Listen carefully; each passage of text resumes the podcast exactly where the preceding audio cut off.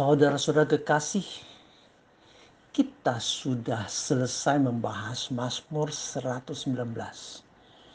Mazmur agung yang sangat mengagungkan firman Tuhan.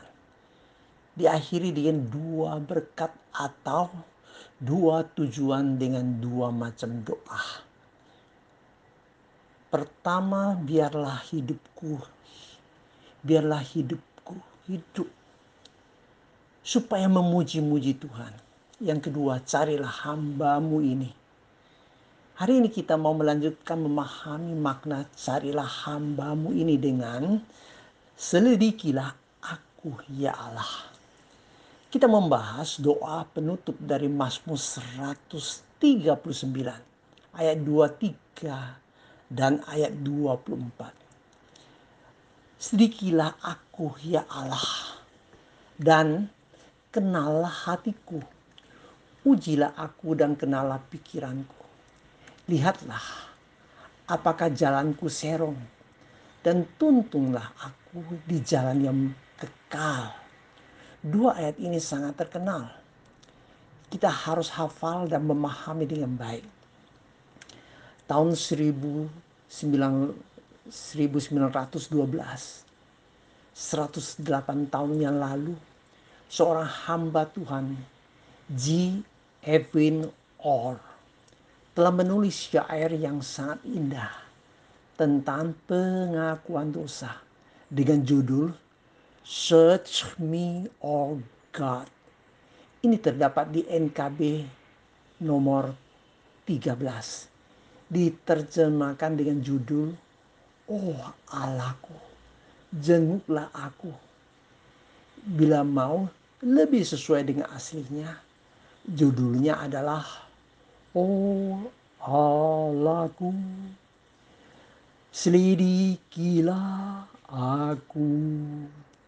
Mazmur 139 adalah Mazmur Daud yang mengungkapkan kebenaran agung dalam rangka pribadi tapi untuk dinyanyikan oleh paduan suara orang Lewi untuk mengajar umat Israel lebih mengenal Allah dan mengenal diri sendiri. Allah harus jadi pusat pujian, ibadah, dan ketaatan manusia. Mazmur 139 ayat 1 sampai dengan 6 mengajarkan kemahatauan Allah. Alkitab Bahasa Indonesia memberi judul doa di hadapan Allah yang maha tahu. Berdoa di ayat 1 Tuhan, Engkau menyelidiki dan mengenal aku.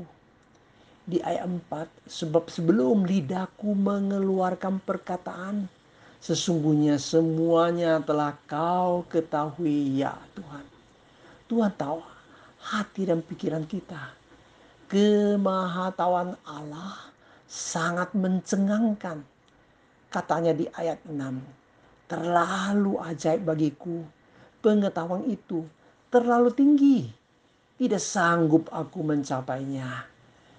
Kita harus menyadari teologi tentang kemahatauan Allah tidak boleh dan memang juga tidak mungkin untuk membahas tentang Allah melainkan membahas pengenalan Allah yang sempurna tentang diriku sendiri.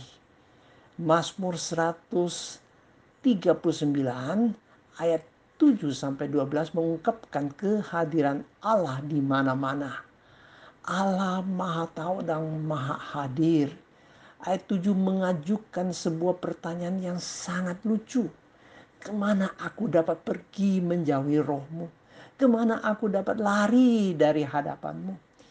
Tidak mungkin orang bisa lari dari jangkauan Tuhan. Sekalipun sampai ke ujung langit, Tuhan tetap ada. Di tempat paling gelap pun, bagi Tuhan kegelapan sama seperti terang.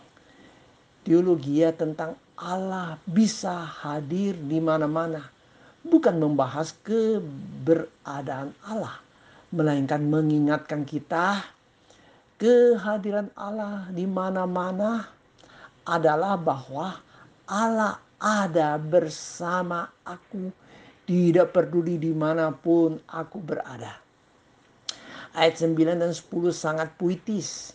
Jika aku terbang dengan sayap fajar dan membuat kediaman di ujung laut, juga di sana tanganmu akan menuntun aku dan tangan kananmu memegang aku.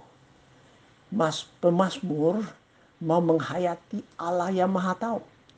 Juga Allah yang maha ada. Karena Allah pencipta yang maha kuasa dan Allah yang maha kudus. Maka menaikkan doa penutupnya. Selidikilah aku ya Allah dan kenalah hatiku. Ujilah aku dan kenalah pikiranku. Doa selidikilah aku yang ada artinya sama dengan carilah aku. Bukan karena mau lari dari Tuhan, justru mau lebih dekat dengan Tuhan. Cerita dari pertobatan Sakyus menjelaskan tentang perkataan Tuhan Yesus. Sebab anak manusia datang untuk mencari dan menyelamatkan yang hilang. Lukas pasal 19 ayat 10. Zakius dicari Tuhan sehingga dia mengenal Tuhan dan mengenal diri, mau bertobat. Hatinya pasti berdoa, Tuhan, selidikilah aku.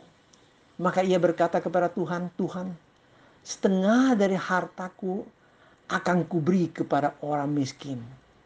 Ia tidak lagi tamak akan harta duniawi.